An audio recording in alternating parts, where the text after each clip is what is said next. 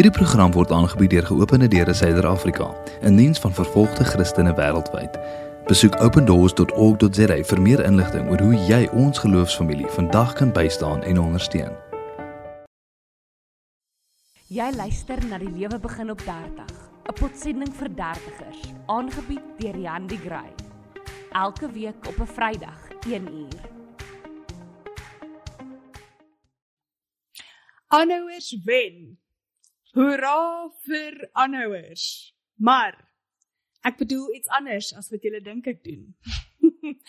wat ek eintlik sê is dit is oukei okay om op te gee. So met die titel van die potsending Aanhouers wen, bedoel ek jy is 'n wenner as jy kan opgee wat nie vir jou werk nie, sodat jy kan oorwin en wat wel vir jou werk.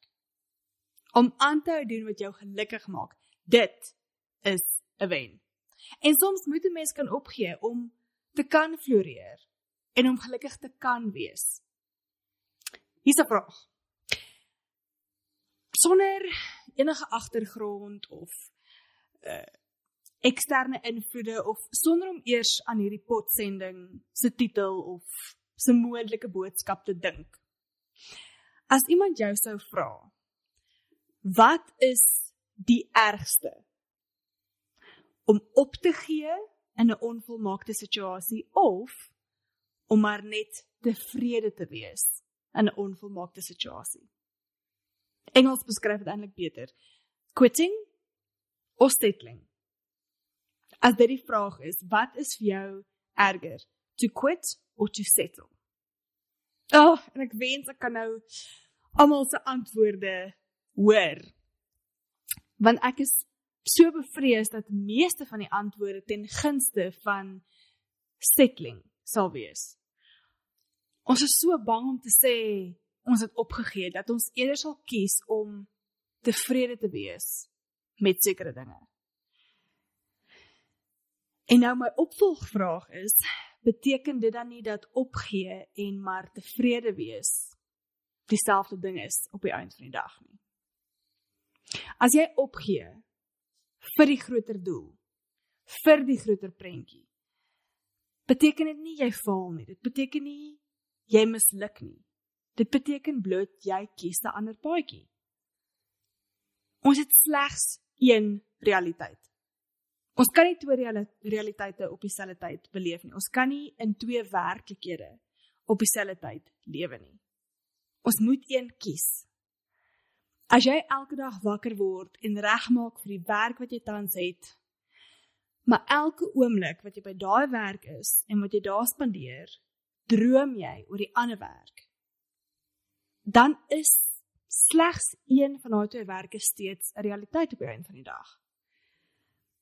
En die droom kan slegs 'n werklikheid word wanneer jy stappe neem om daar uit te kom. So, asseblief Moenie na jou baas toe hardloop en sê ek gee op en ek kwit en ek bedank en ek is weg nie. Dis glad nie wat ek sê nie. Ons moet 'n duidelike plan hê sodat ons 'n duidelike stap kan neem. Joyce Meyer sê altyd live in the moment but be careful later always comes.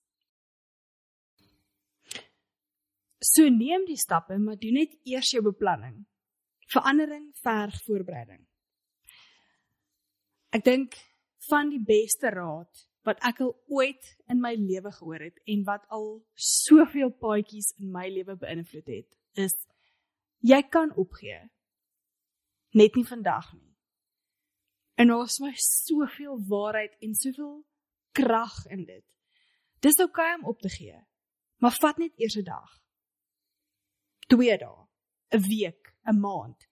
Vat tyd en dink daaroor. Bid daaroor. Gesels daaroor. Droom daaroor en beplan daarvoor. So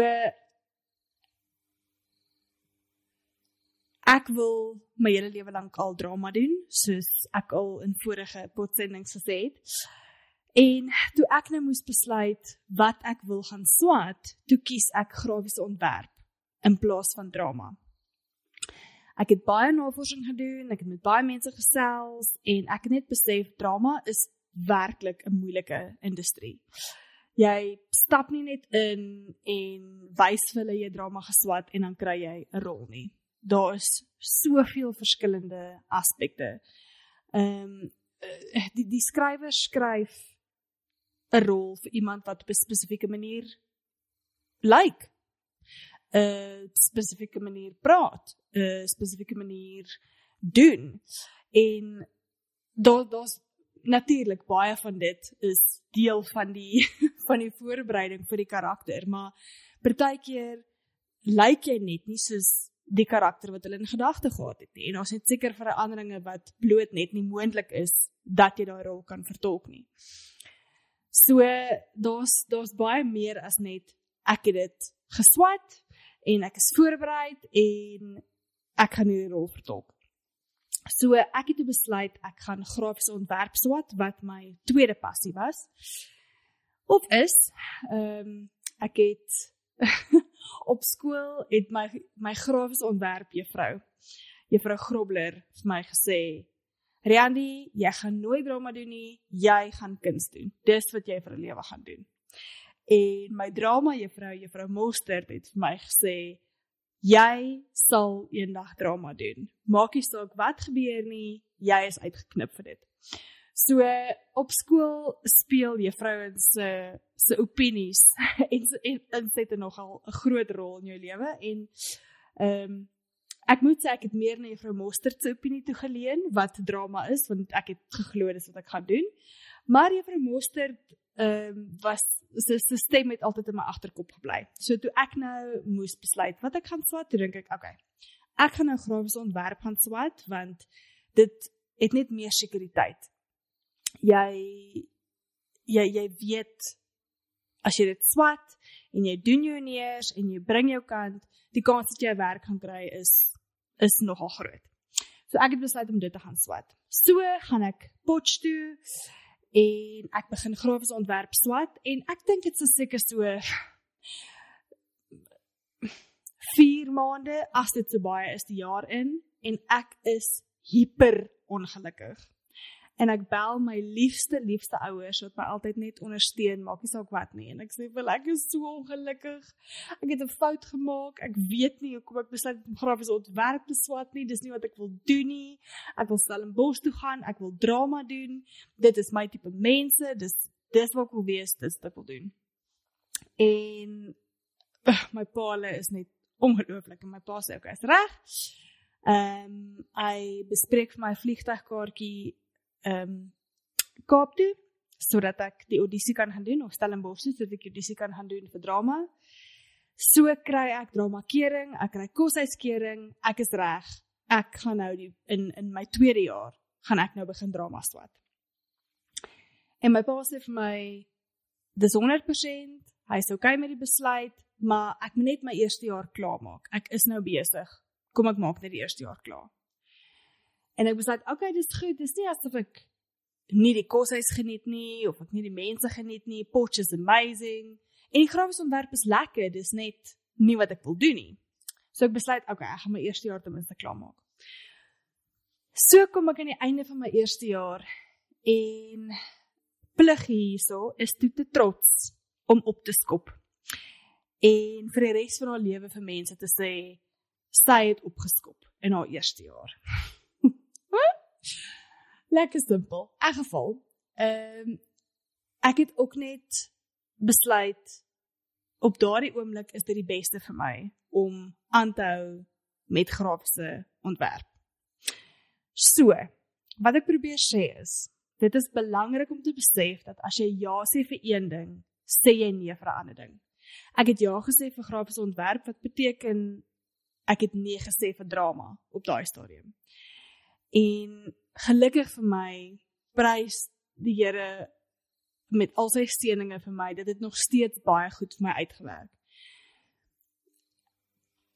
Want ek het tyd geneem om daaroor te dink ook om al die positiefes en negatieves te kon opweeg om seker te maak dit is 'n ingeligte besluit en nie 'n impulsiewe besluit nie. Ek het wel besluit om grafiese het ek wel besluit om grafiese studies op te skop en drama te gaan doen, sou my lewe miskien heel anders gelyk het vandag. Miskien sou ek verder gewees het in my drama loopbaan, miskien sou ek al 'n fliek gemaak het. Maar al daai miskiene is nie dinge wat my vandag te neerdruk of my negatief maak nie, want ek het 'n daadwerklike besluit geneem om by grafies te bly. En miskien kon net sowel andersom gewerk het. Het ek dalk opgeskop en drama het glad dan nie vir my uitgewerk nie, het ek miskien die grootste fout in my lewe gemaak. Ons gaan nooit weet watter impak ons besluite gaan hê nie. So ons moet net seker maak dat ons tyd vat om seker te wees van die besluit sodat ons gemoedsrus kan hê en vrede kan hê dat dat ons weet wat se besluit ons maak want dit gaan ons voorberei vir enige uitkoms. Is daar vandag iets in jou lewe wat jy moet laat gaan? Is daar iemand in jou lewe wat jy moet laat gaan? Is daar iewers 'n faktor in jou lewe wat jou vryheid steel? Of wat jou weerhou van jou potensiaal of jou volkomme gelukkige self? As jy weet jy moet jouself vrymaak van iets of iemand, wat ook al dit mag wees, vat die stap, maar vat die tyd en wees voorberei. Hier is vier dinge wat my altyd help om 'n ingeligte en weldeurdenke besluit te neem. Die eerste een is wees opsetlik of soos my ma sê, wees duidelik. wees duidelik oor wat jy wil wees, waar jy wil wees, wie jy wil wees, saam met wie jy wil wees. Kom ek vra dit so. As daar geen vrese was of geen reëls was, geen limite was nie. Wat sou jou ideale dag gewees het? Hoe sou jou ideale perfekte dag gelyk het? Vat jou tyd. Sit rustig en dink regtig. Wat is die perfekte dag? As jy geweet het, jy kan nie misluk nie. Niks kan verkeerd loop nie. Wat sou jy gedoen het? Wat sou jy aangepak het? Ontdek jou vreugde en verbind jouself met daai vreugde. Verbind jouself met duidelike doelwitte. Tweede een is die gemaksone. oh, hoeveel keer 'n dag hoor ons dit? Klim uit jou gemaksone uit. Wonderwerke gebeur buite jou gemaksone. Maar ek voel gemaksone is relatief. Is jy in jou gemaksone of wil jy in dit wees? Ah, hoe kan ek dit sê? Wat ek bedoel is 'n gemaksone is nie noodwendig 'n slegte ding nie. Ek is 'n ma en dit is die ding wat my die gelukkigste nog ooit gemaak het en dit is 'n sone waar ek op my gemaklikste is. Of om 'n rol te kan vertolk en op stel te kan wees en my werk te kan doen is ook 'n droom en dis 'n plek waar my siel ongelooflik gemaklik is. So dit is my gemaklike sone, maar dit is nie 'n negatiewe gemaklike sone nie. So as jy 'n duidelike doelwit het, maar iets of iemand in jou lewe maak jou ongemaklik en jy weet dit is nie waar jy moet wees nie, laat dit gaan totdat jy jou gemak kan vind. Derde een is verantwoordelikheid. Dit is niemand maar niemand anders behalwe jou eie verantwoordelikheid om lewensveranderende besluite vir jouself te neem nie. Jy het autoriteit oor jou lewe. Jy is die skoolhoof van jou eie lewe, die koning van jou eie lewe. Dit is jou verantwoordelikheid om gelukkig te wees. En net so belangrik, dit is nie jou verantwoordelikheid om ander mense se reaksies teenoor jou besluite te beheer nie. Om verantwoordelikheid te aanvaar vir jou besluite gaan jou soveel dryf en vreugde en meer autoriteit gee oor jou lewe. Klein dingetjies. Gaan ek nou in die middagslaapie vat of nie? Gaan ek nou produktief wees of gaan ek nou uitstel? Gaan ek die middagslaapie uitstel of gaan ek die taak uitstel? Dit is so simpel, maar dit is 'n klein dingetjie wat net vir jou verantwoordelikheid gee om te sê, "O, oh, wow, ek kon nou 'n uur gaan staan en maar kyk wat het ek bereik in hierdie uur." Die volgende een is fokus op jou doelwitte elke liewe dag. Wat gaan jy vandag anders doen? Of wat gaan jy vandag byvoeg by jou rotine of by jou beplanning om jou doelwit te kan bereik? Skryf alles neer, elke liewe dingetjie. Die doelwit bly dalk dieselfde, maar die details om die doelwitte mag dalk verander. En om alles neer te skryf gaan jou help om op dreef te bly en te skaaf en te skuur waar die doelwit dalk nog duidelikheid nodig het. Skryf die positiewe en negatiewe aspekte van jou besluit neer. So om af te sluit. Opgee is nie misluk nie. Indien opgee ten gunste van jouself is en om te kan wees wie die Here jou geskaap het om te wees. Dit is oorwinning, nie mislukking nie. As jy opgee op iets of iemand omdat jy 'n prentjie in jou kop het van oorwinning, van geluk, vreugde en vrede, van oorvloed, sukses en gesondheid, kan dit onmoontlik beteken jy misluk nie. En dan laastens, moenie dat mense jou afskrik nie.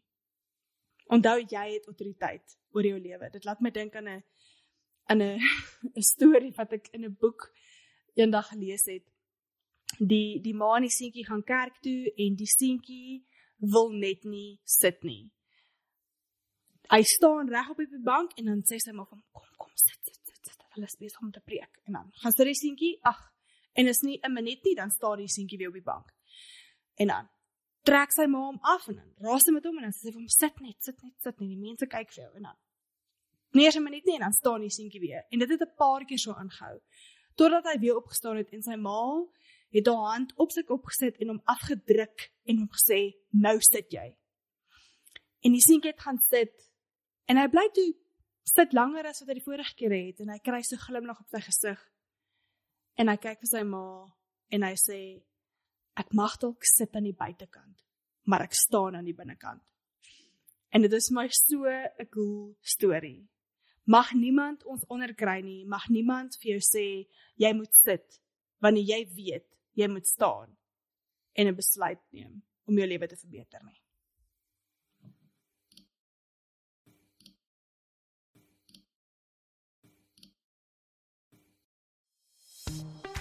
Dankie dat jy geluister het na die lewe begin op 30, 'n potsending vir dertigers. Jy kan volgende week weer saam luister na die Handy Gray. Vrydag 1uur. Die is Helen se storie. Sy is 32 maande in 'n skeepsvraghouer aangehou. Sy is gemartel, gevra om haar geloof te versaak, maar sy kon nie. Ons broers en susters is steeds opgesluit. Terwyl ons sing, word hulle stil gemaak. Ons is vry, hulle is geboei. Ons kan meer doen. Ons kan bid. Ons kan ondersteun.